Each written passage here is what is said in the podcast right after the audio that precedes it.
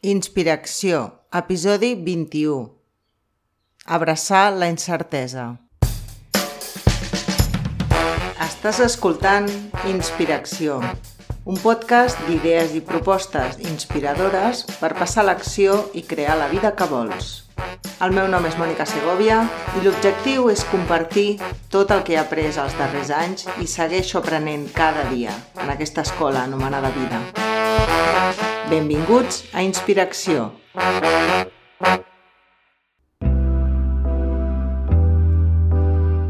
La veritat és que la incertesa és una realitat comuna amb la que tots hem de lidiar i per això és un tema tan important per parlar-ne. Quan alguna cosa és desconeguda i no tenim el control de les circumstàncies, això provoca estrès o dolor. Ens sentim vulnerables.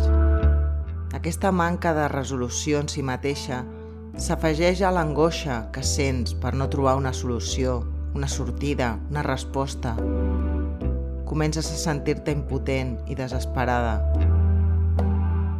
Quan lluitem amb la incertesa, l'estem resistint. I això ens porta a donar voltes i voltes intentant trobar una resposta o una solució que no arriba. Acceptar la incertesa no des de la resignació, sinó des de l'amor, la confiança i sobretot la curiositat que neix d'ella, és en realitat el que ens ajuda a avançar cap endavant, a passar de pantalla ja que la resistència es comenci a dissoldre. I ara t'estaràs preguntant, sí ja, però què faig quan hi ha una incertesa sobre una situació i m'incomoda, no m'agrada? El primer de tot és deixar d'intentar trobar una solució. En comptes d'intentar de totes maneres sentir-te dins de la certesa, de la comoditat, de la seguretat, sent l'emoció de la incertesa, dóna-li espai i agraeix que se't mostri des de la presència incondicional, sense crítiques ni judicis. El segon pas és començar a viure sota aquesta premissa.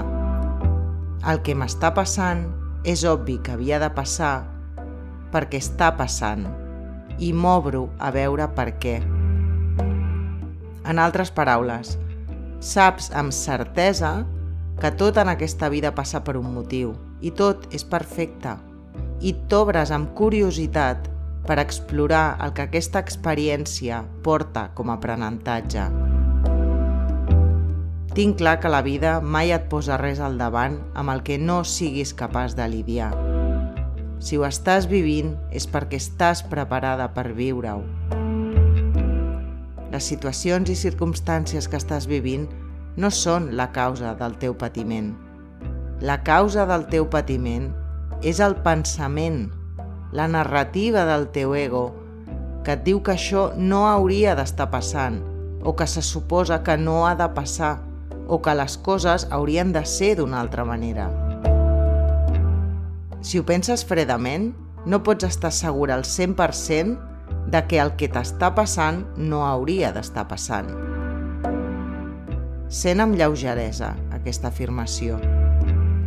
Ara et demano anar un pas més endavant i obrir-te a la possibilitat, dins de les infinites possibilitats, de que el que està passant ha de passar, perquè és el camí que has de fer, les experiències que has de viure, per créixer i recordar l'amor infinit que ja ets. És normal que des de la nostra ment no puguem entendre i que ho rebutgem, però l'energia que tot ho mou, univers, Déu, font de vida o com tu l'anomenis quan t'encomanes a un poder més gran que tu, sap millor que el teu personatge petit el que la teva ànima ha de viure en aquest moment i que et durà a la propera etapa de creixement, quan s'integri l'aprenentatge. El tercer pas és sortir del mode víctima. En comptes de preguntar-te per què a mi, pregunta't sempre què puc aprendre d'aquesta situació? Quin aprenentatge m'està regalant la vida amb aquesta situació?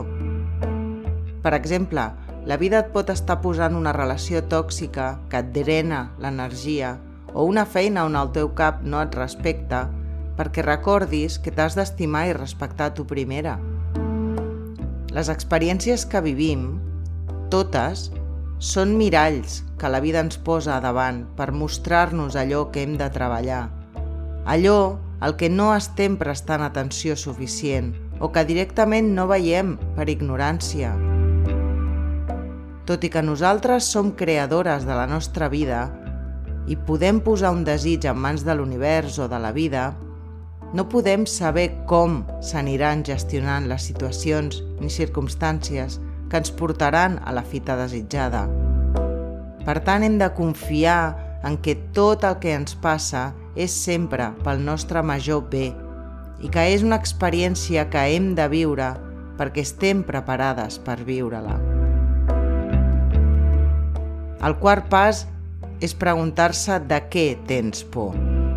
La frase popular «tinc por a la incertesa» no és certa, no tens por a la incertesa en si mateixa, sinó al que tu penses que saps sobre la incertesa.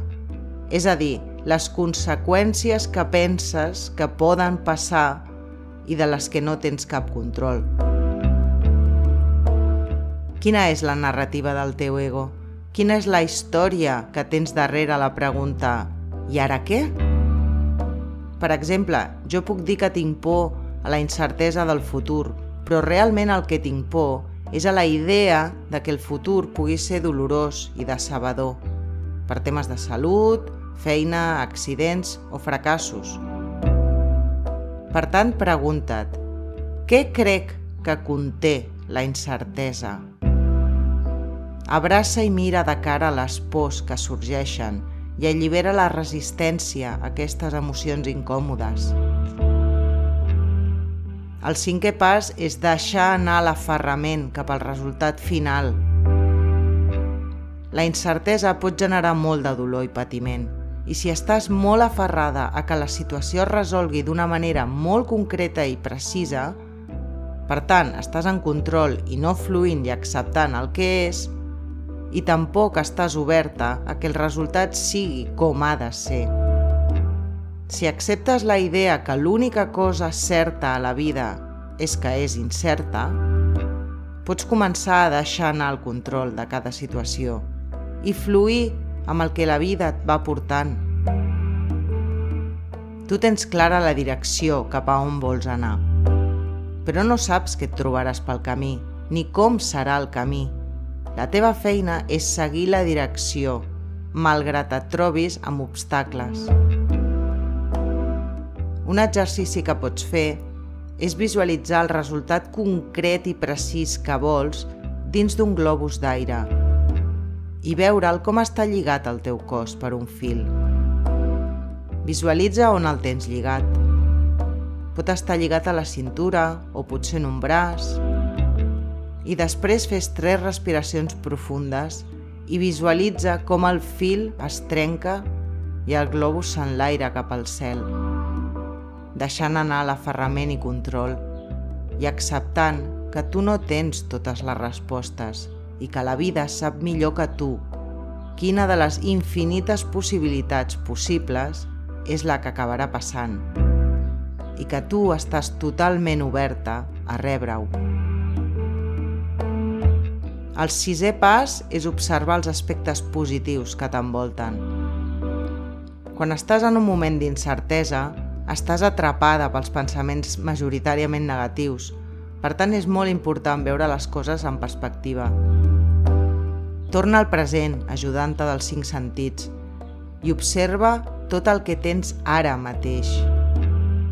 Respires, estàs viva, tens roba, menjar, un sostre, una família... Quan estàs en incertesa, la teva ment està paralitzada en la preocupació imaginant escenaris catastròfics i esperant que passi el pitjor. En aquests moments, millor no prendre decisions, perquè són preses des de la impulsivitat d'escapar, de sortir de la situació en la que et trobes, en comptes d'acceptar-la i viure-la plenament com el que és. Busca de manera deliberada coses positives dins de la situació negativa que estàs vivint. L'últim pas, i per mi el més important, és abraçar la curiositat. El nostre ego està obsessionat amb saber i tenir el control de tot, perquè creu que així ens podrà protegir de patir dolor. Si comences a mirar la vida i les situacions incertes amb la curiositat de no saber i amb la certesa que sigui el que sigui és pel teu major bé, descobriràs que la vida és generosa i et meravellaràs del que aniràs descobrint. La curiositat és l'aspecte emocional en nosaltres que engendra l'exploració, la investigació i sobretot l'aprenentatge. És una fortalesa caracteritzada per un interès per les experiències i les coses, la capacitat de trobar, explorar i descobrir. Ens desenvolupa com a persones. L'única cosa certa és que tots tenim garantida la mort. I fins que aquest dia arribi, la incertesa és l'únic que tots compartim. Vivim en un món ple de possibilitats i només si abraces i estimes la curiositat d'anar descobrint què et regala la vida, gaudiràs del camí, cada dia, a cada moment.